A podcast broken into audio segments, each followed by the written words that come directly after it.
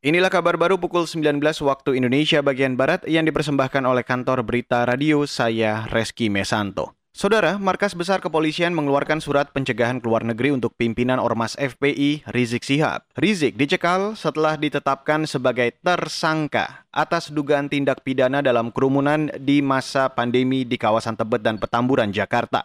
Juru bicara Mabes Polri Argo Yuwono mengatakan, surat pencekalan dikeluarkan sejak 7 Desember lalu. Dan selanjutnya penyidik juga sudah membuat surat pencekalan. Ya.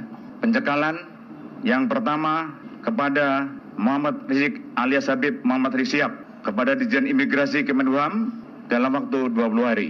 Juru bicara Mabes Polri Argo Yuwono menjelaskan Rizik ditetapkan sebagai tersangka usai penyidik melakukan gelar perkara. Rizik diduga melanggar pasal KUHP dan pasal Undang-Undang Kekarantinaan Kesehatan. Selain Rizik, Polri juga menetapkan status tersangka terhadap lima orang lain, termasuk Ketua Umum DPP FPI Ahmad Sobri Lubis. Perkara ini bermula dari kerumunan yang terjadi di Tebet pada 13 November dan di Petamburan tanggal 14 November.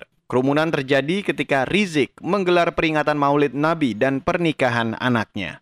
Kita beralih ke informasi selanjutnya, Saudara. Menteri Keuangan Sri Mulyani menyoroti hasil survei yang menunjukkan 30% persen masyarakat masih membayar lebih untuk mendapatkan pelayanan publik. Survei itu dikeluarkan Transparency International Indonesia atau TII. Sri Mulyani kecewa masih banyaknya praktik sogokan. Padahal gaji dan tunjangan pegawai negeri sipil di Indonesia sudah tinggi. Ini survei terbaru tahun 2019 hingga Maret 2020. Indonesia ditunjukkan 30% para pengguna layanan publik masih harus membayar sogokan. 30%. Walaupun angka ini masih lebih baik dari India yang 39% atau Kamboja 37%, kita tidak boleh sama sekali merasa senang Menteri Keuangan Sri Mulyani mengatakan pemerintah terus mendorong dan mengkampanyekan program birokrasi bersih dari korupsi. Misalnya, dalam beberapa tahun terakhir ada program di kementerian dan lembaga berupa program wilayah birokrasi bersih dan melayani,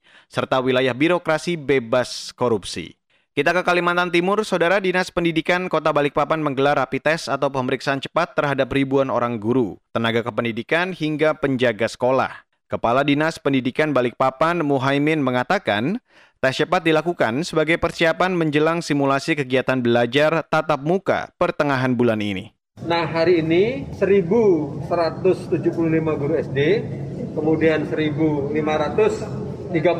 guru SMP bersama tenaga kependidikan, penjaga sekolah, kemudian tukang kebun dilakukan rapid test oleh Dinas Kesehatan Kota sebagai langkah awal untuk mengantisipasi bahwa tenaga pendidik yang ada di dalam dalam kondisi eh, baik-baik. Uh, Kepala Dinas Pendidikan Kota Balikpapan Muhaimin mengatakan, ada lebih dari 70 sekolah tingkat SD dan SMP yang akan menjalani simulasi pembelajaran tatap muka pada pekan depan. Puluhan sekolah itu baik sekolah negeri maupun swasta. Demikian kabar baru KBR saya Reski Mesanto.